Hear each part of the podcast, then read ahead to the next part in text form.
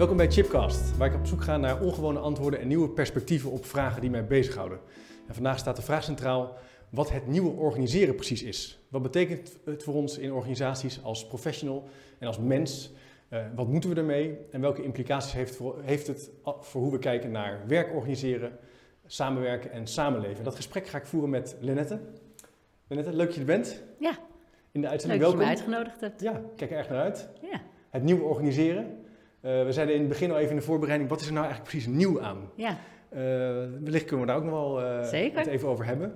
Um, maar jij denkt wel graag na over organisaties. Dat is ook wel volgens mij iets waar je niet alleen goed in bent in de zin, je schrijft erover, je doet er onderzoek naar, maar je begeleidt ook heel veel organisaties, hebt veel organisaties begeleid rondom transities en veranderingen. Um, hoe denk jij over dat nieuwe organiseren? Ja, ik ben daar inderdaad al, al een tijd mee bezig. Een paar jaar geleden bedacht ik mij dat het echt aan het veranderen is hoe mensen denken over organiseren. Er Ja. ontstonden buurtinitiatieven, energiecoöperaties, zorgcollectieven, die echt op een heel andere manier eh, dat begrip organiseren. Ja. Geen businessmodel, maar gewoon beginnen. Dingen die in de reguliere organisatiewereld eigenlijk not done waren. Dus ik ging me daarin verdiepen van wat is daar gaande. En wat ik constateer is dat daar een, een fundamenteel andere manier van denken aan het ontstaan is over wat organiseren is. Daar zitten we middenin. Ja. We weten ook niet precies welke kant dat opgaat, maar we kunnen wel alvast al die contouren zien van, van, die nieuwe, van dat nieuwe denken. En wat mij betreft zitten we daar ook echt in een wezenlijk andere. In een, bij je, ja, je kunt het een paradigmaverschuiving noemen. En als organisatiekundige, want dat is mijn vak, Ja. ja. heeft dat al mijn interesse. Wat is er in mijn vakgebied aan het veranderen? Ja. En voor mij gaat dat echt voorbij eh, vormen als lean en agile en scrum en holacracy en zelfsturende teams, wat je allemaal voorbij ziet gaan. Dat, dat kan wel een onderdeel daarin zijn, maar dat zijn allemaal vormen. Ja. Precies, het zijn Ja. vormen, het zijn modellen eh, die soms worden toegepast omdat ze elders werken. Eh, of dan wordt na een tijdje besloten dat ze niet werken.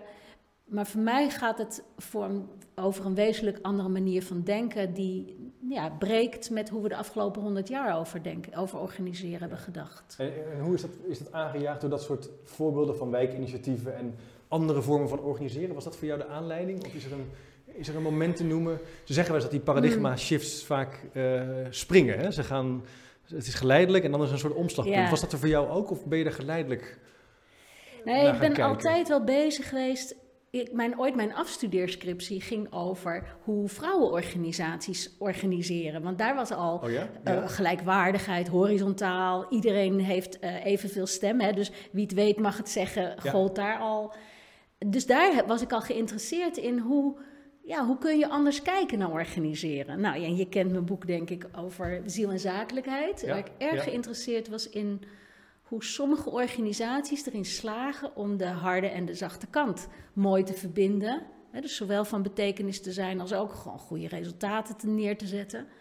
Dus ook daar was ik bezig met een bepaald type van organiseren. Ja, dus, dus in zekere zin heb ik daar altijd mijn belangstelling voor gehad, maar het was wel die, die, ehm, die opkomst van al die initiatieven, buurtzorg ook natuurlijk, Ja. bekend voorbeeld, Ja. dat wel maakt dat ik dacht, er is iets echt aan de hand nu, Ja. waar ik, ja, wat, wat ik het liefst wil bestuderen. Is, zou het ook, buurtzorg is ook wel een, eh, een hele slimme vorm van organiseren zonder ondersteunende dienst, waarin zelfsturing en zelfregie heel belangrijk is. En zorg eh, is maar het is ook wel soms een tegenbeweging op, op organisaties waar mensen weinig invloed hebben. Waar het gevoel is van ik ben maar een radartje, eh, ik heb er niks over te zeggen, ik Ja. vind het werk wel leuk, maar de organisatie niet. Ja, Zou, zie je dat soort parallellen ook, een soort onvrede Ja. beweging? Of, of gaat het meer over... ik zie allebei? onvrede, maar ik zie ook eh, dat we in een andere tijd leven dan, laten we zeggen, rond de tijd van, van Taylor, hè, die het huidige denken sterk heeft eh, bepaald, gedomineerd, beïnvloed. Toen was het een tijd waarin we te maken hadden met laagopgeleide mensen, die massaproductie moesten verzorgen, Ja. eh, die niet geacht werden zelf na te denken, maar gewoon te maken en uit te voeren. Nu leven we in een kennissamenleving waarin we hoogopgeleide professionals, of in ieder geval veel beter opgeleide professionals hebben, die maatwerk moeten leveren, die al hun creativiteit en hun denkkracht nodig hebben in wat ze leveren, die niet meer producten maken, maar steeds vaker diensten, Ja. hè, die zich in interactie afspelen. Dus dat model past niet meer. Nee. Dat zie je ook dat organisaties daar tegenaan lopen van hoe zorgen we nou dat we mensen wel uh, met de klant uh, gewoon echt de dienst laten leveren die we willen. Ja, dat botst dan soms met die bureaucratische, hiërarchische gerichtheid op de systemen. Dus het wringt dan. En dat is een van de redenen. En vanuit de professionals die in dat systeem moeten werken, maar overigens ook steeds meer bestuurders die zeggen: het, het wringt, het Ja. klopt niet meer. En Nee. die hebben onvrede met de dominantie van de systemen of van de verantwoordingsmechanismes. En willen, die zoeken echt naar een andere manier van. eh, een van de bewegingen die daarin ook belangrijk is, en dat is, dat is denk ik ook uit onvrede en, en financiële crisis en, Ja. en dat soort dingen voortgekomen. We willen eigenlijk steeds minder dat organisaties alleen maar gaan over winst maken en groeien. En steeds vaker stellen we de vraag: wat dragen ze eigenlijk bij aan de samenleving? Hè? Wat, wat betekenen ze eigenlijk? Ja. En, en dus zijn er ook heel veel bestuurders die die vraag stellen: wat betekent mijn organisatie? Een soort bijna wel een existentiële vraag. Ja, ja maar da- daarom is voor mij nieuw organiseren ook, ook echt een wezenlijk andere beweging, omdat daar niet meer het winst- en groeistreven centraal staat, maar de purpose of de bedoeling Ja. of de why of Ja. hoe je het noemen wilt. Wat je wil bijdragen aan de, aan je Precies, omgeving, of precies. het probleem wat je wilt oplossen. Komt En dat wordt leidend. voren. Ja. Dus het nieuwe organiseren gaat eh, bewegen wat meer weg van het winst maximaliseren, van het denken in output in termen van geld Ja. en groei. En gaat meer naar impact, doel, ja. ja, maar ook wel passie, iets waar je warm voor loopt. Zeker. Dat is een belangrijk uitgangspunt. Ja, en de relatie tussen wat mensen in het uitvoerende werk voor hun klanten doen. Met wat de hele organisatie als betekenis wil hebben. Als ik eh, in een ouderenzorginstelling werk. En dan vraag ik me af, eh, wa- wat is goede zorg dan? Hè? Eh, wanneer lever ik aan jou goede Ja. zorg? Dat is rechtstreeks verbonden met waar de organisatie voor zegt te staan. Als het goed is. In dat nieuwe organiseren is daar een veel helderder relatie eh, tussen gecreëerd. En is, is eigenlijk kun je zeggen dat de, dat de purpose de basis is geworden. Niet mijn leidinggevende, maar wat zegt de purpose over Ja. wat ik hier te doen heb. Ja. En dat is een wezenlijk verschil met ja, oud, oud organiseren Oude of hoe we het tot nu toe Deze, hebben gedaan. deze, waar vroeger zullen mensen ook misschien wel toch wel iets willen, be- iets willen, hebben willen bereiken, iets willen Zeker. neerzetten. Het zal niet zo zijn dat het er niet is, alleen Nee, zou het misschien, we hebben natuurlijk ook ontzettend veel. Hè? Als het gaat over welvaart en welzijn, zijn natuurlijk wel uitzonderingen, maar in Nederland gaat het ook ontzettend goed. Je zou kunnen zeggen, ja, nog meer. Ja, wat dan Ja. nog meer? Liever eh, de pla- plastic soep opruimen of Ja. eh, gaat het jou daar ook over? Een soort duurzaamheidspunt? Komt hij daar ook binnen bij? di- da- eh, zeker heeft hij daar ook mee te maken, want betekenis is in het licht van dat wij zien dat onze aarde met al onze streven naar welvaart en winst en groei uitgeput dreigt te raken. Ja. Dus logisch komt Ja. duurzaamheid daar op een of andere manier bij kijken. Je Ja. bent geen klimaatskepticus. Eh, absoluut niet. Nee. Nee? Je hebt mensen die dat eh, ontkennen. Jij dat zou Ja, je snel doen. Absoluut, Ja. ja. Ja. Ja. Ja, je ziet ook organisaties in, dit, in deze beweging. Hè, want ik, ik vind het een beweging dat nieuw organiseren. Je kunt niet zeggen van dat zijn deze mensen Nee. of deze Nee. groep. Of, dat, is, dat is in ons denken aan het, aan het verschuiven. Je ziet dus ook organisaties die aan het greenwashen zijn. Die Ja. voor de bühne dan Ja. eh, doen alsof ze heel erg betrokken zijn bij het klimaat. Maar eigenlijk gewoon nauwelijks geloven dat het zo noodzakelijk is dat ze daarop aanpassen. En daar komt dan weer kritiek op van consumenten. En dus dat zet ook het denken aan de gang moet over hierbij wat moet de rol van onze organisatie zijn. Je moet hierbij denken aan het idee dat als je natuurlijk in een vrije markteconomie je helemaal laat leiden door de klant, dan zou je kunnen zeggen, ja, die klant vraagt niet om een, een, een, groen product of wat het ook is. Hè. Dus Hmm. wij, vragen, wij doen wat de klant wil. Ja. Eh, en als hij dan een beetje groen wil, doen we een beetje, wat, doen we een beetje meer groen, maar ons onderliggende verdienmodel blijft hetzelfde. Hiermee doe je, roep je wel op van die, je noemde dat het purpose, hè, het doel of bestemming of wat je wil bereiken, dat moet wel echt zijn. Het moet wel je echt, wel- het moet dus gemeend zijn. In die zin is het ook wel een, is het misschien niet meer zo vraaggestuurd als vroeger. Nee, Neem nee, ook nee. een beetje afscheid van het economisch denken. Ja, ik moet denken dat aan... zeggen dat kan niet, Precies, ik ben benieuwd Voor zover het vroeger ook was, want volgens mij was het Henry Ford die zei... als ik had, aan mijn klanten had gevraagd wat ze wilden, hadden ze gezegd snellere paarden. Ja. En die heeft de auto bedacht. Ja. Dus het is altijd een wisselwerking Ja. geweest tussen wat klanten willen en wat bedrijven willen betekenen. Of waar bedrijven technologie gedreven denken dat er meer mogelijk is voor mensen. Het is altijd een wisselwerking.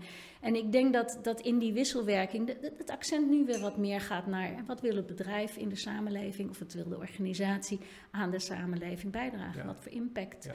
En de jongere generatie vraagt daar ook om. Komt steeds meer jonge mensen tegen die zeggen: Ik wil dat mijn organisatie waar ik werk mij helpt om mijn betekenisvolle doelen of mijn purpose in het leven waar te maken. Nou, dat is wel ver, ver Totaal weg van anders. de Taylor die zegt: "Mens- welke mensen kan Hier ik gebruiken voor mijn Je mag bedrijfsdoelen? blij zijn dat je hier komt werken. Ja. Ik herinner zelfs, eh, toen ik afstudeerde, wilde iedereen bij een bank werken bijvoorbeeld. Dat was echt een soort ding. Ja, Als je, ik heb dan bedrijfskunde gestudeerd. Oh ja, als je ja. bij een bank, zelfs mijn ouders zijn, nou komen dat hij bij een eh, bank gaat werken. Ja. Als je nu, ik ben nu wel eens bij diploma-uitreikingen. Eh, dat is dan nu, hoe lang is dat geleden? Nou, 13, 13, 14, nee, 13 jaar. 14 jaar geleden, toch wel iets langer. Mhm. Ehm, en dan zeggen, valt me echt op dat eh, degene die afstudeert zegt, nou ik ga ondernemen. Ik ben Ja. bezig met een start-up of ik Ja. ga twee dagen in de week dit doen. En ik ben Precies. bezig met, vaak ook wel ecologisch gedreven, Ja. zelfs de bedrijfskunde. veel sociale ondernemingen ja, zitten ook wel bij daarin. een bank. En het is helemaal niet zo erg om bij een bank te gaan. Maar het punt dat er dus een ander perspectief is op die Ja, toekomst. precies. Dus En dat soort- dwingt bedrijven ook of organisaties ook om ja, na te om te denken. veranderen. Nou, om op zijn minst om na te denken over wat is onze maatschappelijke impact? Ja. Welke impact willen wij hebben? Ja. ja, waar doen we het eigenlijk voor? Ja. En, daar, en daar kan je prachtige verandertrajecten voor bedenken. maar ik, ik vermoed dat jij, ik weet toevallig een aantal columns die jij schreef, dat je zei van ik ben ook wel een beetje klaar met al die leiderschapstrajecten en die verandertrajecten Klopt. waar we dan dit wel gebruiken, maar je voelt aan alles dat het ja. lastig gaat. Hoe, hoe, hoe moet je hiermee aan de slag gaan dan? Wat kunnen we nog, hebben wij nog bestaansrecht als adviseurs? Ja, dat hebben we wel zeker. Maar wa- waar we net ook even over hadden, dat veel van die hypes, wat ook nieuw organiseren wordt genoemd, een vorm is. Dat is vaak ook de vraag die wij als adviseurs voorgelegd krijgen. Ja. Dit is wat we willen, kun je ons helpen om dat Ja. in te voeren? Ja. Terwijl om dat goed te laten, laten we zeggen, een organisatie in de zorg wil naar zelfsturende teams. Eh, of een gemeente wil naar eh, meer vragen gestuurd door de ondernemers en de burgers. Ehm, d- dat kan niet lukken Nee. als je niet de achterliggende filosofie verandert. Als de achterliggende filosofie is eh, twee dingen. Eén, eh, als wij denken dat onze mensen niet in staat zijn om zelfstandig, volwassen en, en, en eh, ja, capabel hun, hun werk te, uit te voeren en we gaan zelf sturen, dan blijven we toch een beetje control eh, Ja. invoeren. Dus dan, dan hebben we weliswaar zelfsturende teams gemaakt, maar onze mindset is nog steeds mensen moeten gecontroleerd worden, afgerekend worden. Dus een van de dingen die, waar het ook breekt met het gedachtegoed van Taylor, dat nieuwe organiseren, is dat je uitgaat van een volstrekt, bijna onvoorwaardelijk vertrouwen in mensen. Totdat het tegendeel wordt bewezen. Ik vind Paul Verburgt, ik weet niet of je die in deze serie Ja. ook al eens hebt gesproken. Nog niet? Nou, dat is ook wellicht een leuk Ja, iemand ja. om een gesprek mee te voeren. Hij zegt, je moet, je moet gewoon een onvoorwaardelijk geloof hebben in je mensen. En een vertrouwen hebben in je mensen. Dat zij in staat zijn als een volwassen mens keuzes te maken, de juiste beslissingen te nemen. En daar moet je van uitgaan. En de, ja, als je in Taylor zijn, zijn tijd kijkt aan de lopende band, ja, hoef je geen vertrouwen te hebben. Je moet zorgen dat de productie Ja, maar zij ook denkt, anders maken ze dingen kapot. We moeten ze op een vaste we plek zetten. ja, we moeten ze een taakomschrijving geven. Ja, en dat was misschien in die tijd. Nou, doe een beetje denken aan in het filosofieboek wat ik met Jozef schreef. Over de, daar komt de wolf, speelt daar ook wel een belangrijke rol in. Mhm. De opvatting van is de mens dan van nature een wolf voor zijn Mm. medemens? Dus zal hij de kantjes van aflopen, zal hij een ander Ja. willen overwinnen Ja, voor zijn eigen belang? Of is, dat is eigenlijk heel rottig voor die wolf, want het is ook een heel sociaal dier. Is hij van nature goed en wel vertrouwenswaardig? precies. Je zou misschien, dat, dat, jij zegt eigenlijk dat, dat is dat wereld, dat eigenlijk hoe je kijkt naar de wereldbeeld. Nou, maar dat is een van de eerste dingen in als wij worden gevraagd als adviseur, is het wereldbeeld, zeg maar, de mens is een wolf en die, maakt, die Ja. loopt er de kantjes vanaf en dus moeten we iets anders voor Ja, ze verzinnen. Precies. Dan gaat het dus niet lukken met zelfsturing of een andere Nee. vorm van meer autonomie. je- Precies. Het tweede is dat organisaties eh, over het algemeen nog sterk eh, het denken en doen gescheiden hebben. Eh, dat wil zeggen uit de Tayloriaanse tijd, het doen ligt bij die mensen aan de lopende band. Denken doen wij voor je. Dat zijn de managers, dat zijn de stafdiensten. Heel veel organisaties zijn wat dat betreft behoorlijk opgetuigd in dat denken. Ja. En die doen mensen, die moeten ook niet te veel. Dus daar waar je eh, naar een andere manier van denken over organiseren wil, wil je dat eigenlijk weer bij elkaar hebben. Hè, wat ik net zei, de tijd waar we in we leven vraagt van een medewerker denken en doen. Creativiteit en rationaliteit en communicatieve vaardigheid. Alles bij kunnen elkaar. reguleren. Je zegt dat hoor je Precies. samen te kunnen. Dat Bijna moet een soort, geïntegreerd zijn, zo dicht mogelijk bij Ja. daar waar de dienst wordt verleend. ja, waar, de, waar je met die klant samenwerkt of met die partner iets wil Ja. maken. Dat is bijna een soort emancipatie punt. Hè? Dat, Ja. van, dat moet je dus ook kunnen. Dat is een bekwaamheidsvraagstuk. Is ook zo, is ook zo. En in die zin lukken, mislukken ook heel veel trajecten, omdat we dat natuurlijk heel lang mensen hebben afgeleerd. Ja, jij zegt eigenlijk dat, als je dat, dat kan je dus ook afleren. Ja. Ja. Als jij, jij hebt kleine kinderen. Ja, Als jij voor hen denkt, worden ze lui. ja, Als jij aan hen vraagt, hoe zou jij dat oplossen? Je hebt ruzie met je vriendje, wat denk je nou dat er nodig is om dat op te gaan lossen? Dan worden ze zelf geactiveerd en dan blijkt dat ze soms wel je hulp nodig hebben, maar dat ze heel veel zelf kunnen. ja.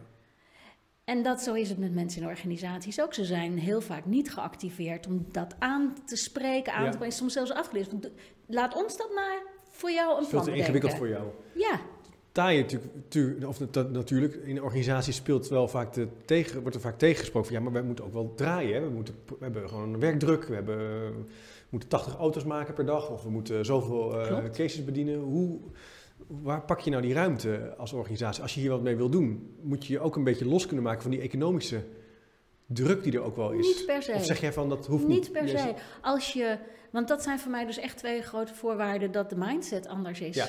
En dat, eh, dat het denken en doen zoveel mogelijk geïntegreerd wordt dicht bij het uitvoerende proces. En je zet de purpose centraal. Dan kun je vervolgens vanuit de purpose kijken, wat zijn dan onze doelstellingen? En daar komt de markt en je, en je resultaat. Daar komt gewoon ook de zakelijke en de harde Ja. kant. Welke verwachtingen hebben we dan van teams wat zij gaan leveren binnen die purpose? En dan maak je ook contracten met je, sluit je contracten af met je teams voor het resultaat waar zij voor verantwoordelijk zijn. Maar het begint niet bij de resultaten. Het begint bij waarvoor doen we het eigenlijk en wanneer vinden we dat we dat goed doen. Ja, mooi. Zou je dan ook zeggen dat eh, daarmee de collega's die in een organisatie werken ook eigenaar worden van het werk wat ze doen? Veel meer dan, je zou kunnen zeggen, in een loondienstconstructie, want daarmee, hiermee zet je me wel aan denken, moet even hardop denken, Mhm. zeg je eigenlijk ook, nou, jij komt hier, je krijgt een salaris en dan moet je dit doen. Eh, terwijl jij zegt, nee, je moet ook denken is ook een vorm van, dat, is, dat kan je niet uitbesteden, dat is van jou, dus daar ben je ook eigenaar van. Dan zou je ook eigenlijk ook eigenaar moeten worden in zekere zin van de organisatie waar je werkt. Ja. Of is dat een, is dat een te radicaal... Maar Zou je punt? eigenaar moeten worden van de organisatie waar je werkt? Ja, van de investeren, van de, van, want dan kan je ook de keuzes maken. Kan. Of zeg je nou, dat, dat, dat kan, dat is een radicalere vorm. Ja, ik denk dat dat een, een, een, aan, in de uiterste Ja, stappen ja. eh, een consequentie kan zijn voor organisatie om het zo te doen. Het begint met eigenaarschap voor mijn eigen denken in de resultaten die ik te leveren heb als medewerker binnen die organisatie. En waar, waar wel een grotere nadruk op komt, denk ik, in het nieuwe organiseren, is dat het dan niet alleen maar een, een soort van financieel of materieel contract is. Hè. Jij komt hier werken zoveel uur, zoveel salaris en secundaire arbeidsvoorwaarden. Maar dat we ook kijken naar wat is de purpose van het bedrijf? Wat wil jij met je leven? Waar hecht jij aan? Welke bijdrage wil je leveren? En dat we ook daarin een match vinden. Ja. Want als die match er niet is, dan ga jij gewoon naar een andere organisatie waar je die- vanuit ja, wat jij belangrijk vindt meer een, be- een dan betere een bijdrage beetje, kan shop je leveren. een beetje door, zeg En je maar. ziet dat jonge mensen ook op die manier in sollicitaties eh, kijken. Niet alleen naar wat kan ik verdienen, Nee, maar ook naar wat kan ik hier doen? Hoe kan ik me ontwikkelen in dat wat ik belangrijk vind? mooi. Dus ook ja, een soort van psychologisch contract of een contract op waarde. Ja, maar ook een gesprek wat je voert met elkaar. Zeker. In die zin komt het gesprek Ja. en de dialoog tussen elkaar over wat je wil Ja. bereiken. Ja. Wat je wil komen leren, wat je wil komen brengen. Is daarmee veel belangrijker dan, eh, of dan vroeger, maar wordt, komt steeds meer op de voorgrond te staan. In dat denken en doen met elkaar brengen. ja. En daar ligt ook wel een rol voor ons als, als adviseurs in organisaties. Want als het zo is dat organisaties die weg in willen slaan, dan heb je te maken met bestuurders, een MT, een directieteam, wat vaak helemaal niet zo erin zit. Nee. vanuit wat is mijn purpose en hoe verbindt zich dat met de purpose van de organisatie. Die zitten erin omdat ze ja, nou ja, eenmaal gegroeid zijn en nu op die positie terecht zijn gekomen. Prestige, status is dan soms toch echt ook wel belangrijk naast iets willen betekenen. En dat gesprek te voeren. Van Ja. Wat willen we eigenlijk betekenen? Wat wil jij betekenen? Heb je, ik heb wel eens het idee dat dat gesprek, dat is een heel wezenlijk punt om dat te kunnen voeren met elkaar. Maar inderdaad, die hiërarchie zorgt er ook voor dat sommigen dat gesprek wel mogen voeren. Omdat die hiërarchie naarmate je toch een beetje om- omhoog komt. Ja, Dan Bij is er meer ruimte. is dat makkelijker Ja, is dat denken. Hè? Dat, Ja. zie je ook vaak. Bestuurders hebben ook die ruimte. Die Ja. kunnen het vaak ook heel goed. Ja. Je zou kunnen zeggen, ja, ze kunnen het goed omdat ze ook op die plek zitten. Anderen kunnen het net zo goed, alleen hebben die ruimte niet.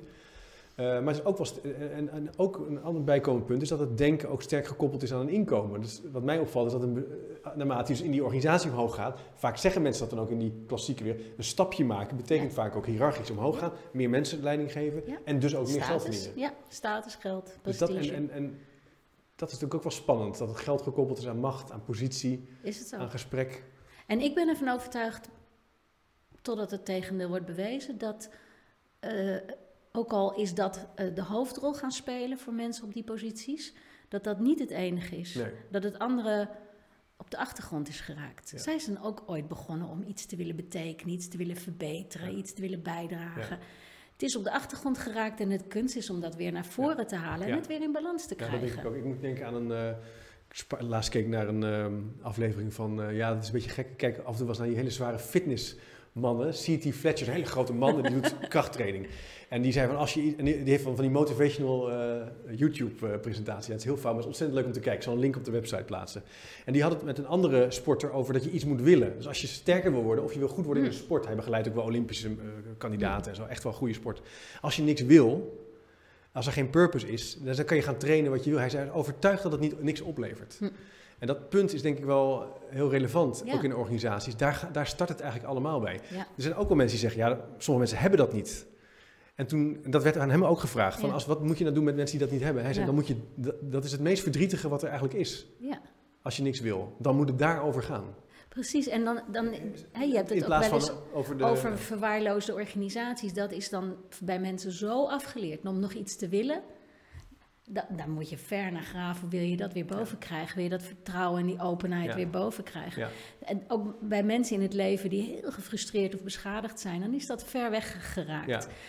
Maar dat zijn wel uitzonderingen. Dat is heel Jij veel, zegt in de regels de meeste meer- mensen willen wel degelijk iets. Eh, dit is een mooi onderzoek in, eh, aan de Universiteit van Antwerpen gedaan door Koen Marichal en anderen. Over de, ja, de existentiële crisis waar met name middenmanagers zich in bevinden als de organisatie die kant op gaat van nieuw organiseren, meer autonomie bij mensen, meer purpose gestuurd. Want zij hebben vaak hun hele identiteit opgehangen aan die positie. Het is dus niet alleen het geld of de aanzien, maar ook dat wie ik ben. Er zijn voor anderen of zorgen voor anderen of denken mijn team voor anderen. helpen. Mijn, Mijn team helpen. en dan valt dat weg. En dan valt dat weg, want als je dan gaat aannemen dat dit team jou niet nodig heeft, omdat ze zelfstandig, volwassen enzovoort zijn, dan komt de vraag, maar wat, wat beteken ik dan nog? Of wat heb ik al die jaren gedaan? Ja. En dat zijn existentiële vragen waar begeleiding bij nodig is, Ja. omdat het niet een, eh, een, een, hoe noem je dat nou, een eh, afvegen van, van managers is, maar een, maar een zoektocht naar waar zitten die eh, drives van jou, waarvoor jij Ja. zo graag wat voor je team wil betekenen. En die moet je weer te pakken zien te krijgen. Dat kan wel degelijk. Ja, ik moet denken aan het, eh, toen ik met het boek Verslaafd en Organiseren bezig was, heb ik met Hans Vermaak eraan gewerkt om een Ja. soort analysekader scherper te krijgen. Want daar had ik nogal moeite mee met al die verslavingsliteratuur. En toen kwamen we ook op het punt van, eh, hij noemde dat de vier rottige vragen in het leven. dus eh, eigenlijk bijna, bijna wel boeddhistisch. Hoe ga je om met de tijdelijkheid onder andere van het Mm. leven? Eh, wa- waar aan kan je, wil je een bijdrage leveren Mm. bijvoorbeeld? Dat zijn er dan twee. Ja, Dat gaat natuurlijk hier ook over. ja. Als dat wegvalt, als je het gevoel hebt dat dat er niet meer is, dat kan, daar kan je echt ziek van worden natuurlijk ook. Hè? Ja. Daar zijn ook wel onderzoeken naar dat dat Ja. ontzettend belangrijk is. Positief gezien, als je het hebt, kan je ook heel veel. ja. Als je het niet hebt, kan je daar ja, ongelukkig van worden. Maar het ongeluk of de frustratie of het verdriet is soms ook gewoon het vertrekpunt. Daar waar het knaagt Ja. en knarst en schuurt, Daar moet je ook beginnen. is dus eigenlijk iets wat gefrustreerd wordt. Daar ligt iets onder wat in de kiem gesmoord wordt. En dat is pijnlijk soms om er naar te kijken, omdat het zo lang niet kon. Ja. Maar daar ligt ook altijd een beginpunt. Ik ben er wel een beetje, nou, niet therapeutisch, niet in de zin dat jij dat zegt, maar het heeft ook wel een soort therapeutisch.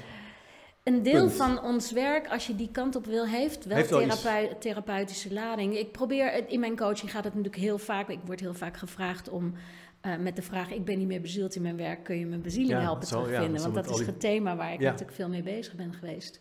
Nou, ik kan niet iemand zijn bezieling terugkrijgen, Nee, laten terugkrijgen. Maar er zijn wel allerlei manieren om met iemand te zoeken naar waar die bezield is, zonder per se in therapeutische terecht te komen. Nee.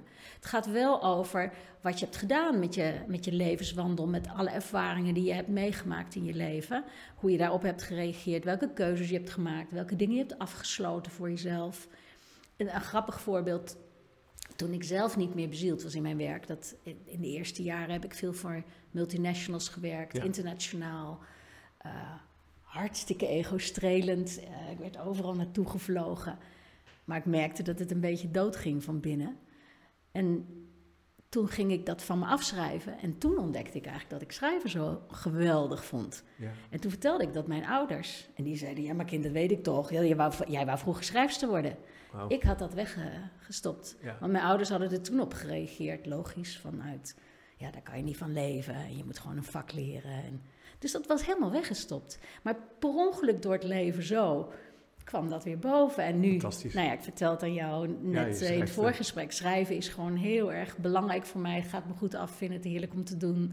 Ja, dat is een beetje mijn bijdrage Ja. aan de wereld. Fantastisch. Dat je het kan, combineren met coaching, met Ja. andere vormen van onderzoek doen en begeleiding. Ja, maar, maar dus in iemands levenswandel Ja, zitten heel dat. vaak toevalsmomenten, wij- zijweggetjes die toch geen zijweggetje blijken te zijn, waaruit je toch weer die bezieling Ja. terug kan halen. Ander mooi voorbeeld van een eh, vrouw die ik in coaching had, die werkte bij PostNL. Jonge meid, commercieel, snel, energiek. En die moest leiding geven aan postbodes in een afstervend huis. Hè, de constructie van, er wordt alsmaar minder wat we aan post Ja, eh, versturen. minder, ja. ja, die ging half dood daar. En samen hebben we gezocht naar haar bezieling. En die bleek eigenlijk heel erg buiten het werk te liggen. In sport, in bewegen, in buiten zijn, in eh, skiën.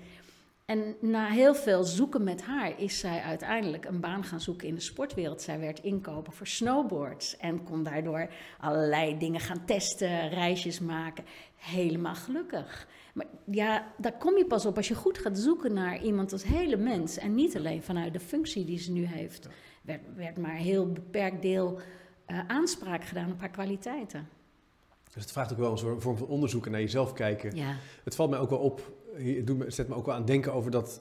Je komt ook wel professionals tegen die dan bijvoorbeeld in een verandertraject... of moeten ze eh, in een school helemaal niet het gevoel hebben dat ze een bijdrage kunnen leveren aan een koersverandering... of Mm. in de weerstand zitten of boos zijn. Terwijl ze bijvoorbeeld thuis penningmeester zijn van Ja. een enorm grote Ja. eh, sportvereniging... eh, een hele straat eh, weten om te toveren om zonnepanelen te nemen. ja. Dus blijkbaar hebben we dat privé en dat zakelijk gezien... scheiden we die bekwaamheden ook nog wel eens... ja. nou ook wel, hoe heet die, Good to Great, Jim Collins heeft, heeft gezegd... we kijken in organisatiecontext toch vooral naar talent of competenties... En eigenlijk niet zo vaak naar passie. Waar wordt iemand, waar, waarvan heeft iemand het gevoel dat zijn leven vervuld is? En eigenlijk op het snijvlak van waar die goed in is en wat hem vervult, moet je zoeken naar welke bijdrage kan die het beste leveren aan, de samen, aan, aan het bedrijf. In plaats van te kijken, dit is het bedrijf, dit is het functiehuis, wat missen we? Oh, we zoeken iemand met die competenties, sollicitatie. Eh dat is de omgekeerde weg. Als je kijkt naar Ja. de hele mens. ja. En waar kan je, als we met jou zouden zoeken, waar liggen je talenten, waar liggen je passies en welke bijdrage heb jij dan te bieden? Dan kan je als organisatie kijken van welke, hè, hoe je daar een Een functie op kunt maken. tweerichtingsverkeer is het. Ja, Maar nu denk ik wel, dat is, dan heet, we, we hadden in het begin de titel van nieuw organiseren. Wat is een Ja. nieuw aan? Maar misschien is het wel nieuw leven, nieuw samenleven. Het is, het gaat, dit gaat ook wel breder dan alleen, Ja. hoewel we natuurlijk een groot gedeelte van ons tijd dat we leven, werken wij in een, zoeken, zoeken we mensen op, maken we samenwerkingsverbanden, gaan we dingen doen. Maar het, het gaat wel verder dan alleen eh, die organisatiegrenzen, die muren. ja, eh, ja. daarom heb ik het ook heel bewust niet over nieuwe organisaties, maar over nieuw organiseren. Ja. Het is een werkwoord. En organiseren doen we tegenwoordig op heel veel manieren. Je organiseert je, je weekend, of je organiseert Ja. je privéleven, of je, je organiseert dat je je verder ontwikkelt in het leven. Je organiseert dat je inspirerende gesprekken hebt. Organiseren is niet meer tot die context van onze werkplek. Nee, het is een eh, werkwoord, het is actief en niet reactief. Ja, En de grenzen tussen een organisatie en een privépersoon en de samenleving vervaagt. ja, En, en daardoor zeg je ook van, is dat maatschappelijk en die, die purpose, maar ook het, het duurzaamheidsprincipe komt daarmee ook veel meer binnen. Ja. Want die jongere mensen, die, dat herken ik helemaal, die hebben andere normen en gedachten bij de Ja. wereld dan, dan wij dat misschien Ja. vroeger hadden. Of dan Ja. dat. En dus is het gewoon een veel bredere stroming die in de samenleving eh, heerst. Wat dat betreft ben ik een aanhanger van het gedachtegoed. ehm, ik ben op dit moment slecht in namen van onze professor in Rotterdam over de transities, Jan Rotmans. Jan Rotmans, Jan ja. Rotmans, die eh, haalt het eh, multilevel eh, concept aan. Die zegt, verandering in de samenleving, die gaan niet doordat die instituties zo veranderen. Dat, hè, dat werk wat jij en ik doen. Dat gaat dat door initiatieven in de, in de, in de, in de la- ja, in de bodem van de samenleving, Ja, zeg je ja, dat? Onderlaag van de samenleving. Waar die energiecollectieven en die zorgcoöperaties en die buurtinitiatieven ontstaan. Eh, zij laten zien dat het anders kan. Buurtzorg heeft wat dat betreft enorm de publieke opinie veranderd. Ja. Dan gaat in het landschap van ons denken gaat wat veranderen. En dat zijpelt door in instituties, die bestuurders nu, die nu denken... dit kan Dit toch ik- niet op deze Nee, manier die voelen doorgaan? dat ook. Een soort besmettelijk proces. Precies, en, en, en dat loopt, het, uiteindelijk besmet het ook de instituties en zullen we zien hoe dat, eh, hoe dat verandert. Maar ik ben ervan overtuigd dat hiërarchie en bureaucratie, die in het Tayloriaanse heel erg belangrijk waren, eh, nou, niet zullen verdwijnen, maar een veel minder grote rol zullen krijgen. Ja. Dat gelijkwaardige relaties, horizontaal verantwoorden, eh, samenwerken op basis van gelijkheid zonder dat ik jou kan bepalen of jij mij kan bepalen hè, in ketens of in andere samenwerkingsverbanden. Daar gaan we gewoon naartoe. Dat is voor heel veel mensen al de realiteit. Ja.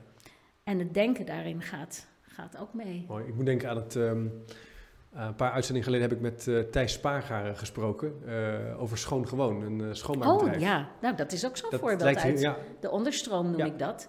Die echt, ja, want zij hebben ook eh, letterlijk het eigenaarschap bij. Ja. Hè? Ja, Dus- dat, precies. Dus dat, precies. dat vond ik zo spannend eraan. Dat ze ook in die dat ze een coöperatievorm kiezen waarin mensen die dus extramuraal of in eh, gebouwen schoonmaken, eigenaar zijn van die coöperatie, Ja. met elkaar een gesprek voeren over de financiën, over de roostering. En eh, Thijs zei, nou, ik, ik heb veel meer ervaring in het maken van die roosters. Ik zit ook, neem zitting in die, als gelijkwaardig persoon in zo'n organisatievorm van 15, 16 mensen. Ja, En ik help ze ook om beter te worden in die financiën en in, in dat rooster. Dus een soort, eh, ja, ik vond het ook een punt van emancipatie en bekwaamheidsontwikkeling. eh, die eigenlijk haak staat op het idee van, heel lang hebben we ook gedacht dat mensen zich verticaal moesten specialiseren. En zeggen, nou, ik ben docent, jij moet mij ontzorgen. En ik moet gewoon zoveel mogelijk eh, lessen Ja. kunnen doen. ja. Maar je zou kunnen zeggen, het lerarentekort is misschien wel beter op te lossen als we meer breder gaan kijken naar bekwaamheid. En meer mensen bijvoorbeeld een rooster kunnen maken Ja. of nou, een curriculum kunnen ontwikkelen eh, of zelfs een instructie kunnen geven. Dan zou je het school, als school word je eigenlijk ook anders. Eh, Ja. En dat zie je dus eigenlijk wel op die plekken als gewoon gewoon, nou ja, buurtzorg Nederland, maar zijn natuurlijk meer ja. van dit soort initiatieven, zie je het eigenlijk al wel gebeuren. Het is, het is een erfenis, dat, hè, dat denken van laat die docent nou gewoon zijn lessen draaien en hem niet lastigvallen met andere dingen, is een erfenis van dat denken en doen scheiden. Ja, Wat- specialiseren. eh. Precies, doe jij maar gewoon het uitvoerende werk, dan doen Ja. wij alle anderen Ja. rond. Terwijl het veel vervullender is als je een dienst voor iemand levert, dat je eh, alle aspecten die daarbij horen mee kunt behartigen. Ja. Dat je ook kunt beslissen over wat ze, wat ze aan mijn boeken lezen, die kinderen. Weet je, Ja. dat, dat je het Ja, gewoon het mij hele pakket ik, hebt. helemaal eens. Wat, wat mij helemaal daar ook wel een beetje ergert, is het idee dat anderen het pur- de purpose kunnen bepalen. Dus dat, dat iemand is in een organisatie die zegt, dit is de visie en de kernwaarden. Mhm. En dan mag jij dat dan uit gaan voeren. Ja, je zou ja. kunnen zeggen, dat is natuurlijk ook niet houdbaar. Nee. En dat is in ieder geval een energielek. Want ja, of je moet heel erg geluk hebben, maar je wil natuurlijk zelf uiting kunnen geven aan wat je belangrijk vindt. Dat is bijna iets... Je wilt dat er een relatie is tussen wat jij belangrijk vindt en wat jouw organisatie Ja. belangrijk vindt. Ja, Want dan kan jij op jouw manier invulling geven. Kijk, dat, een visie of een purpose is altijd ruim geformuleerd. Daarbinnen Ja, kan je het nog op heel veel manieren doen. Maar dat vraagt zowel van jou je, je geestkracht en je creativiteit om je eigen invulling te, ge- te geven. Eh, maar het geeft je ook de ruimte om vanuit je eigen professionaliteit daar keuzes in te maken. Ja. Als, en- een voorbeeld van mensgerichte zorg. eh, of of eh, de cliënt, eh, de bewoner heeft zelf de regie. Ja, wat betekent dat als die zegt: Ik wil mijn pillen niet meer slikken? Ja. Weet je, Dat- Ja. dus het zijn allerlei situaties waar je dan als, je prof, als professional wordt aangesproken op je professionaliteit. En ook de ruimte hebt en de verantwoordelijkheid neemt om daar dan een keuze in te maken. Zou dat betekenen dat dingen ook langzamer gaan in de toekomst? Dat we meer tijd hebben moeten nemen voor dit soort gesprekken?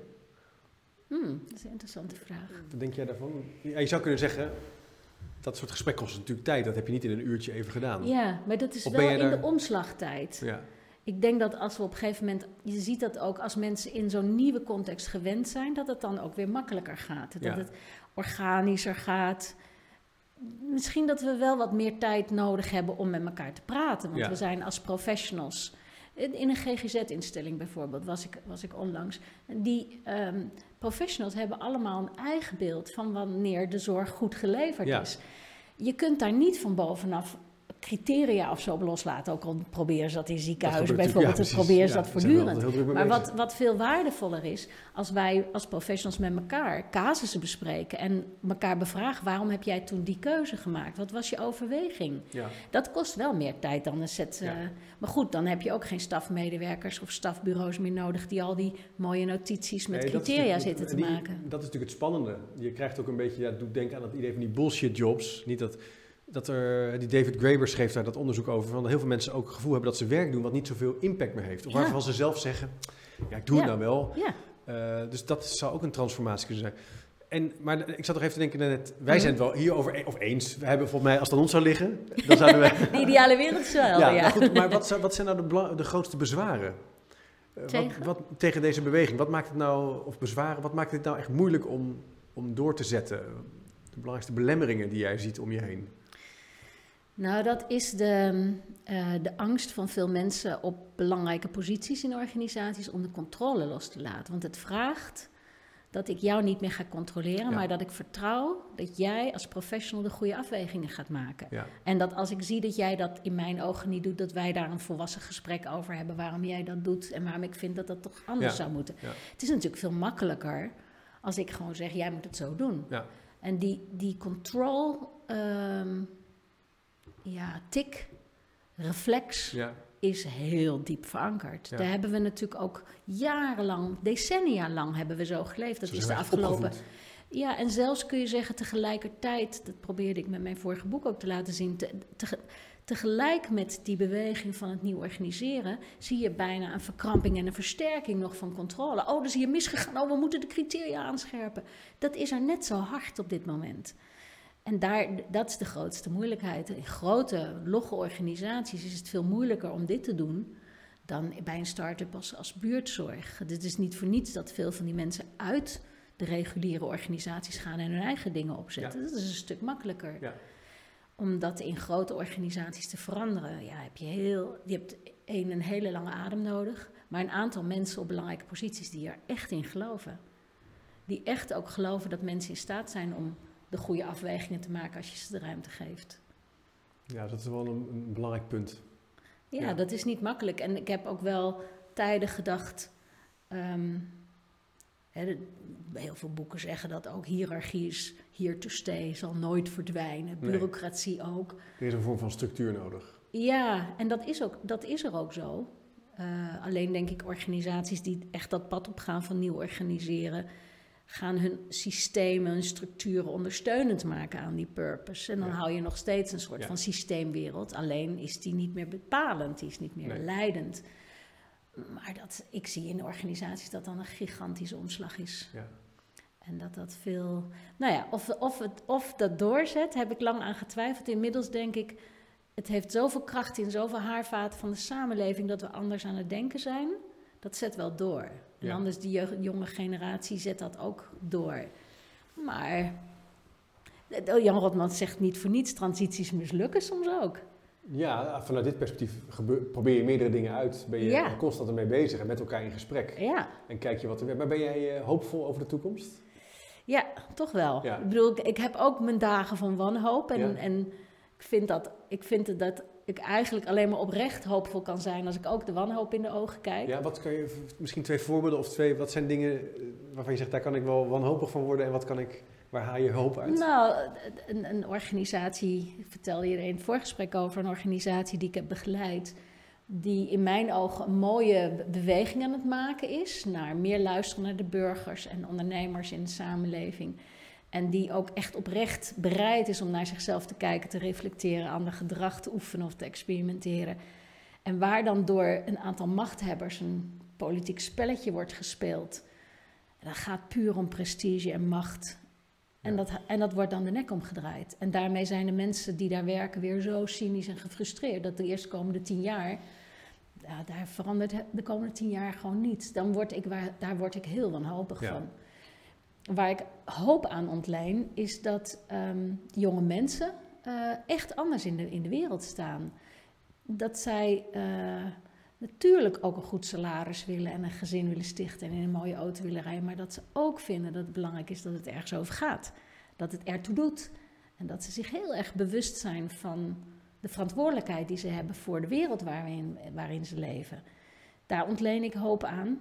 En ik ontleen hoop aan de talloze mensen die ik tegenkom die in, op kleine eilandjes in organisaties, soms maar alleen met hun team van zes mensen, dit praktiseren. Zeggen, ik vertrouw jou. En hè, die, die, die vanuit die houding wel degelijk op een klein stukje in, in de wereld het laten zien dat het anders kan. Kijk, meer lukt hun niet, maar ze, ze blijven Mooi, het doen. Ik zit er al wel drie hele mooie mechanismes in. Als je bij je laatste start, zelfs in een heel geformaliseerde organisatie, kan je met een klein groepje mensen Ja. het mooi maken en het Ja. anders doen. En eh, dus een kleine koerswijziging. hè, eh, Ja. en, en daarmee dat organiseren op een andere manier vormgeven. En tweede, daarvoor had je het voorbeeld van de jonge mensen. Er zijn dus ook een beetje die radicale vernieuwers en de, die nieuw kijken. En nou, daar moeten we hoop uit. Ja. Dus dat is een, een manier hoe we het nieuwe organiseren verder kunnen brengen. En een verbond tussen die twee. De verbinding nog leggen daartussen kan je natuurlijk groter maken. En bij het eerste punt, hoe tragisch ook dat dingen mislukken, ook stoppen met dingen, Ja. stoppen met activiteiten, is soms Ja. ook een vorm van vooruitgaan. Dat je zegt, nou, dan, dan heeft dat niet gewerkt.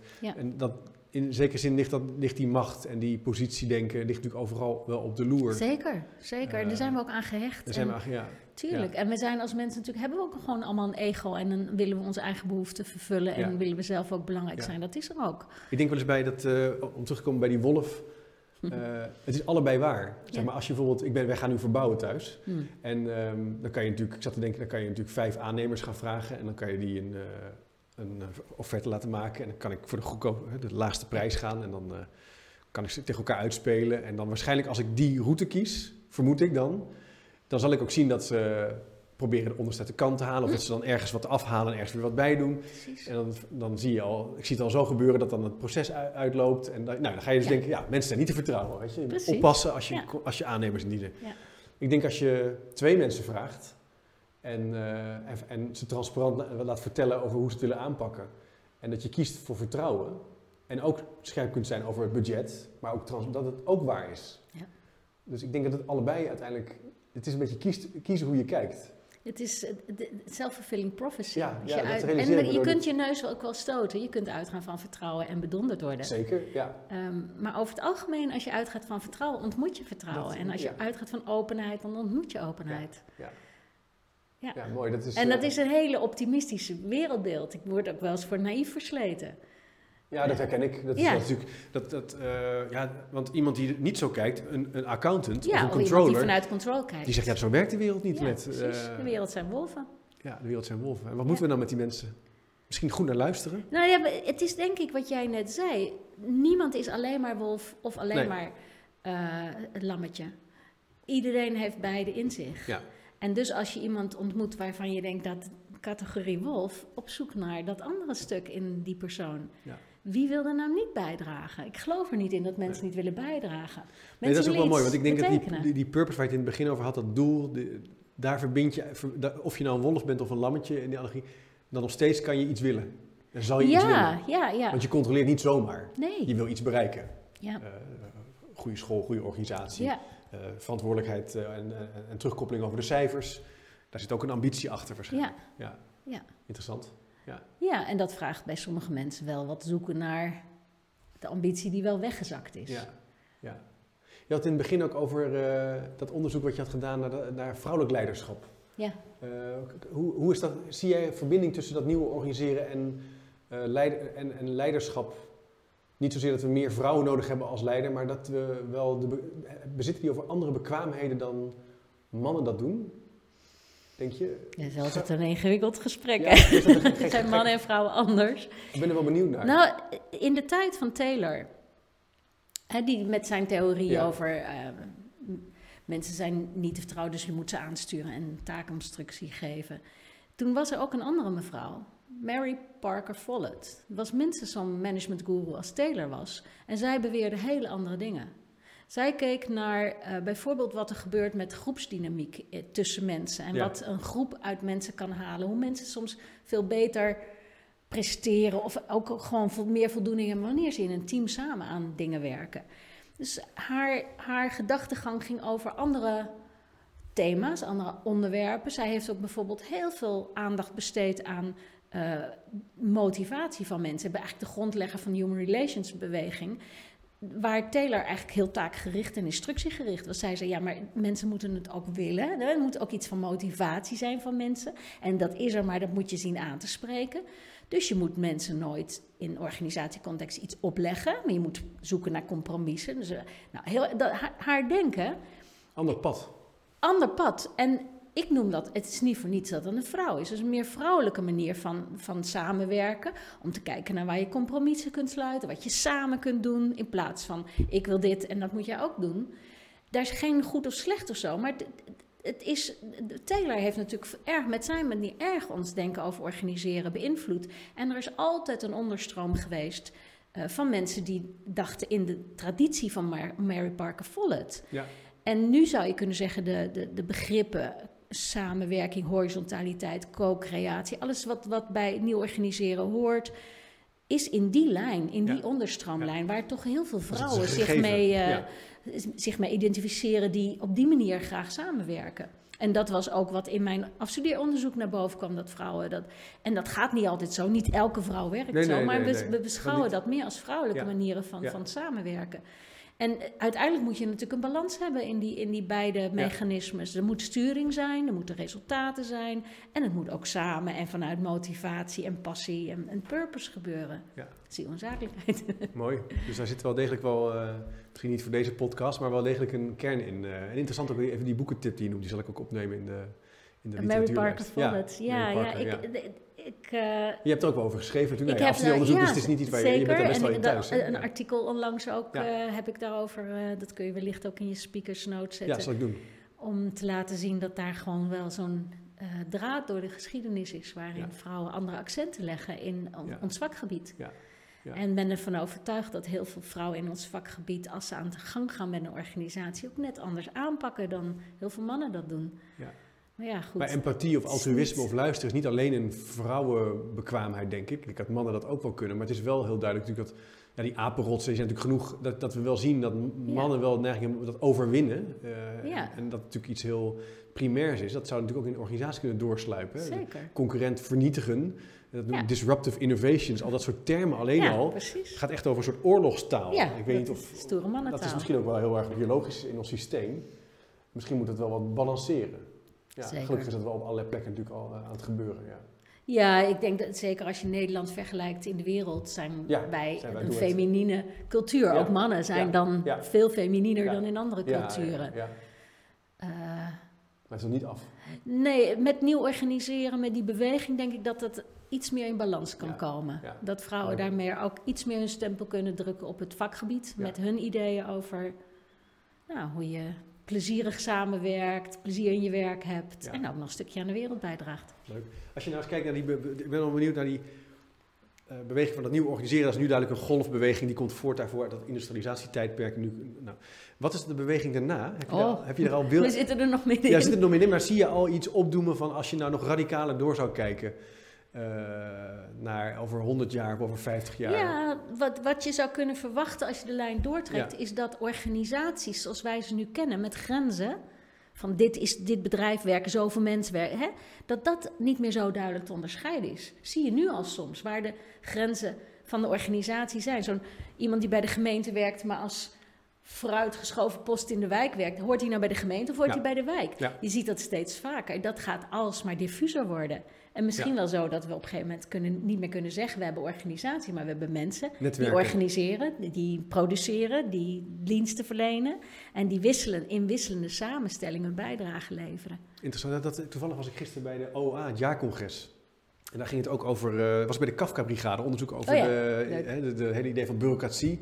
En daar vertelde, ik ben even zijn naam kwijt, over de, de, technische... had een boek geschreven over die Kafka-structuur, hoe je soms vast komt zitten. Hij zei, een politieagent moet orde handhaven, maar hij is eigenlijk ook via de Belastingdienst in dienst. Hij is ook bij andere partijen, de RDW, voor de auto's, het onderhoud. Hij ziet het niet, maar hij is op allerlei manieren verbonden eigenlijk aan andere organisaties. Ja. En dat, vind ik, dat, is, dat ondersteunt dit wel. Ja, ehm, er zijn, er is ook een, het is niet alleen eh, meer één plek, precies, één ding. Nee. En dat is het. Um, uh, Linda Grattan, dat is een hoogleraar aan de London Business School. Zij noemt het de gig economy. Waar een gig staat dan voor een concert of een optreden of een, of een project. En waar mensen tijdelijk samenkomen voor een project en, en daar op een bepaalde manier samenwerken. En dan dat het weer ontmanteld is en dat er dan weer andere vormen ontstaan. Dus het allemaal tijdelijker is. Ja, dus het, gaat nog, het wordt nog tijdelijker. Nog organischer. Nog organischer, het beweegt eigenlijk. Ja. Ja. En meer, denk ik, meer eh, technologie gedreven ook. Want je ziet dus ook bij buurtzorg dat een goede investering in de technologie het mogelijk maakt voor mensen om die zelfstandigheid in hun werken te hebben. Ja. En, en zolang wij de technologie kunnen blijven gebruiken als ondersteunend en ze niet overheersend aan ons worden, zal het ook veel sterker met technologie ja, technologie gedreven zijn. Die helpt ons om eigenlijk slim te werken, ja, anders te werken. Te werken. Kijk, je ziet natuurlijk aan de WhatsApp-groepjes. Uh, ja. de, de, je kan, ja, ik heb allerlei prachtige apps tegenwoordig. Je kan je hele projectmanager, dit, deze hele podcast, de hele planning doe ik gewoon via een app. Ontzettend makkelijk. Het is gratis.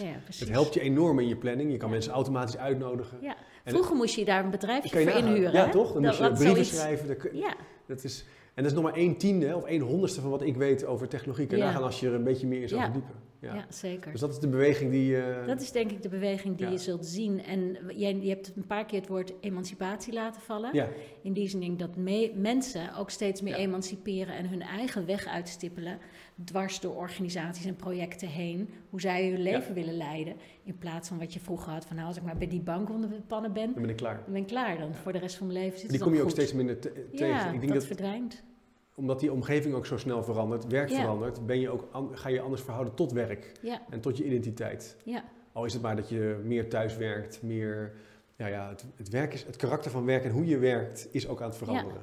Ja. En we, we leiden jonge kinderen al veel meer op met de vraag: wat wil jij? Ja. Wat wil je worden? Welke, hè, wat vind je belangrijk op school? Dus, dus we, we, we, dwingen ze ook veel meer om zelf de regie te pakken over hun eigen leven. Leuk. Interessant, uh, Renette. Leuk om over te praten zo. Ja. ja. Um, waar ben je nu? Heb je nou nog een, uh, nou niet closing thoughts, maar wat zijn nou nog dingen over dat nieuwe organiseren waarvan je zegt dat vind ik nog wel interessant om nog te delen? Of dat, dat punt heb ik misschien nog niet onvoldoende gemaakt? Of... Nou, misschien, we hebben het er al wel zo'n beetje over gehad. Je ziet op dit moment, zou je ook gelezen hebben, veel organisaties de beweging terugmaken. Hè? We ja. beschaffen zelfsturende teams ja, af, want het werkt, niet, niet, Ik vind het heel erg polariserend overigens. Oh. Aan de ene kant, eh, de, de, de kant op dat het, het moet, we moeten implementeren, is heel plat. En dan nu ook weer een beetje van het werkt helemaal niet. Ja. Ja. Maar goed, jij was er. Ja, ja, ja, hoe zie, ja, maar hoe, dat signaleer ik ook en dat vind ik ontzettend jammer. Want één, ze hebben het niet omarmd als iets wat ze zelf hebben bedacht en vanuit hun eigen filosofie en strategie willen laten slagen. Want dan ga je niet na een jaar zeggen het werkt niet. dus ze hebben niet eigenaarschap genomen over dat concept waarmee ze werken. En ze laten het vallen ook. En en zeggen dan niet over, het is, ze zeggen dan niet, het is ons niet gelukt. Nee, het werkt niet. Dan doe je een uitspraak over een vorm. Terwijl ik denk, ja, heb, hoeveel ervaring heb je met die vorm? Een jaar, come on. en dat, vind ik jammer. Je, van, je moet niet zeggen, het heeft niet gewerkt. Je moet zeggen, het is mij niet gelukt om te Precies. implementeren. Het is bij die organisatie niet. Bij veel organisaties is het niet gelukt vanwege die oude mindset die erachter zit.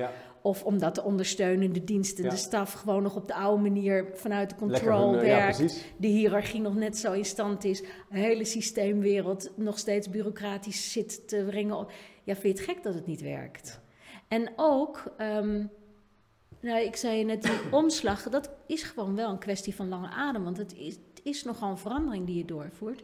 Je moet niet na een jaar zeggen het heeft niet gewerkt. Je moet, en dat overigens zijn er ook wel instellingen die, ehm, die veel genuanceerder daarover denken. Maar de media pikken het dan weer op als het heeft niet gewerkt. Maar dat je gaat zoeken naar, goh, het werkt voor ons dus eigenlijk niet om geen leidinggevende te hebben. want we krijgen de roep van mensen in de zelfsturende teams dat ze graag dat je daarover in gesprek gaat en ook daar weer niet meteen zoekt naar de vorm van, oh, dan zetten we er weer een leidinggevende op. Maar waar komt die vraag vandaan? Dat mensen behoefte hebben aan een leidinggevende. Misschien is dat dat ze in de drukte van de tijd geen ruimte hebben om te reflecteren en met elkaar de dingen op te lossen. maar daar moet je naar op zoek. Waarom komt dat, dat, die behoefte boven? En, en binnen de context van onze organisatie, onze purpose, onze traditie, wat past bij ons dan? Er is nog heel veel te winnen door dat gesprek te voeren met elkaar, in plaats van door te schieten naar een uiterste. Ja. ja. en dat vind ik jammer, want het vertroebelt het hele de, ja, debat of de dialoog over nieuw organiseren. En straks wordt het kind weer met het badwater weggegooid. Uh, uh, try that, didn't work. Terwijl je zou kunnen zeggen, begin klein, heb het gesprek erover, verbind denken en doen aan elkaar. Ja, Probeer en sta je niet blind op die, op die vorm? Ja. Maar probeer de achterliggende gedachten Ja. eh, veel meer belangrijk te maken. Ik had gisteren een leuk voorbeeld van een. eh, wel toevallig veel voorbeelden uit de zorg, maar een voorbeeld van de ouderenzorginstelling in, ehm, in België.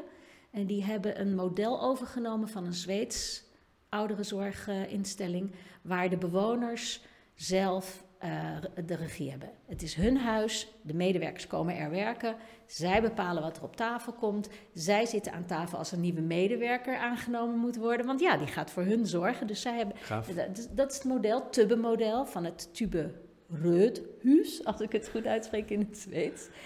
Ehm, en zij hebben getracht, zij zijn aan het experimenteren met dat model. En wat ik erg leuk vond was dat ze, dat de mevrouw die daarover vertelde, zei: Ja, het model voorziet in dit en dit soort dingen. Wij zijn begonnen met te kijken wat is onze uitgangssituatie. Dat is toch wel Wij belangrijk. hebben toch wel heel veel mensen met dementie. Kunnen we dat allemaal van hun verlangen? Nee, maar hoe kunnen we het achterliggende gedachtegoed ook toepassen voor mensen met dementie? En dan maak je het je eigen. Ja, dan incorporeer je het Ja. gedachtegoed en dan vind je wel een vorm die past bij je eigen Precies. instelling. En dan gaat het misschien minder langzaam of minder snel. Maar daar gaat het misschien niet eens om. Nee, precies. Wat mij ook mooi is, dat je daarmee niet meer zo kwetsbaar wordt voor hypes. Maar je zegt, nou, dat is, natuurlijk schrijven mensen dingen over ja. samenwerken. Dat pakken we, we lezen het, we, lezen het, we hebben het erover. En we kijken wat we er... We zijn constant bezig Ja. met ons vak. Ja. En dan wordt het ook niet plat. Ja. Dat is wel een mooie... Ja. Ja. dus haal eruit wat je eruit kan halen. ja, en begin bij waar jij staat En waar jij ja. vindt dat de eerste stappen Ook wel een analyse van kijk waar je... Ja. ja. Zij gingen in eerste instantie aan hun bewoners vragen van... Goh, wa- waar wil je meer inspraak over? Ja, dan zitten we nou, we vinden het allemaal wel best dat jullie voor ons zorgen. Da- Ja. Daar lag geen aangrijpingspunt, maar wel bij hun medewerkers. Die zeiden, ja, we weten niet zo goed hoe we met bewoners dat gesprek moeten voeren. Over wat hij nou echt wil. Want die laat het zo makkelijk aan ons over. Oké, nou hoe kunnen we dat dan faciliteren voor jullie? Dus, dus echt veel meer vanuit je eigen vertreksituatie kijken... hoe je de onderliggende gedachten kunt incorporeren. En die vorm, maar ja, Ja. daar ontstaat wel een vorm. Ja, je zou er zo nog een heel een, een nieuwe podcast over kunnen maken. Bij verandering niet over wij praten, maar over ik. Hè? Niet over de organisatie, maar over, over ik. Dicht bij jezelf houden, wat je zelf wil. Vaak in organisaties, dat zou je misschien herkennen als adviseur, kom je dat tegen. En de organisatie is er niet klaar voor. Eh, het team kan het niet. Terwijl ja, daar, daar zit niet de beweging. Nee, en dat, daar ligt natuurlijk ook weer een aangrijpingspunt voor ons als vak, in het vak. Ja, Ik heb me daar in het verleden soms ook wel, eh, heb ik me daar te makkelijk van afgemaakt. Dat als je, als je een opdracht krijgt, de opdrachtgever zit hoog in de organisatie. Je gaat vaak aan de slag met mensen op een andere plek in de organisatie. Terwijl je eigenlijk met je opdrachtgever aan Ja. de slag moet. het contracteren daar is echt super belangrijk. En niet alleen het contracteren, maar ook het werk. Zij moeten ook een Oh, verandering werk- Ja, doormaken. precies. Het doen. Eh, Precies, zij moeten ook veranderen. En als, als eh, de medewerkers zien dat bestuurders en directeuren echt aan het veranderen zijn, ja, dat is een goede impuls voor hun om het ook Ja, te willen. een goed voorbeeld doet volgen. Ja. Ik denk dat dat, dat is toch... En dat, gebe- dat doen we toch niet altijd. Nee, dat wordt zeker onderschat. en directeuren willen dat ook niet. Nee. Ja, maar zij Ja. hebben dat nodig. En, eh, Ja, iedereen klantgericht, behalve wij. Of Ja. eh, iedereen eh, lean, Ja. maar wij nog even niet. ja. En ik ook. Dus Ja. als bestuurder of ik ook als directeur. Ja, we gaan ook dat traject in. Ja. Ja, dat betekent voor mij ook het een en ander. ja, dan wordt het wel even anders. Hè? Hoef je Dan niet het over anderen te hebben, maar over jezelf. Dus dat nieuwe organiseren gaat ook echt wel over jezelf als individu. Ja, Ja. ja leuk. Nou, net super om met je over, eh, over te praten. Eh, Leuk, het idee van het nieuwe, het nieuwe organiseren, wat er nieuw aan is. Voor mij hebben we dat best wel mooi zo. Heb je dat wel? Ik heb het gevoel van wel, ja. Voor mij hebben we wel eh, een aantal belangrijke punten verkend. Eh, het thema van leiderschap, een beweging krijgen. Thema van die Ja. purpose, het doel, het klein maken, het dicht naar die praktijk halen. Ja. Leuk om met je van, over van gedachten te wisselen. En, ehm, eh, ik zal de links die je hebt genoemd en de boeken ook even op de speakers notes eh, Ja. uitwerken. Uh, superleuk dat je in de uitzending was. eh, Graag gedaan, Annette. vond het ook leuk. Ja, Ja. dankjewel voor je aanwezigheid. Eh, beste luisteraars en kijkers, eh, we zijn aan het eind gekomen van de, van de uitzending. Bedankt voor het kijken of het luisteren. Zoals ik al zei, eh, kijk zeker op chipcast.nl voor de speakers notes en de links, artikelen en boeken die we noemden. Heb je zelf een vraag hierover of een andere vraag? Ga dan naar chipcast.nl slash vraag. Dan kan je je vraag stellen en wie weet kom je wel in de uitzending. Dat kan gewoon. Bedankt voor het kijken en luisteren. Tot de volgende keer maar weer.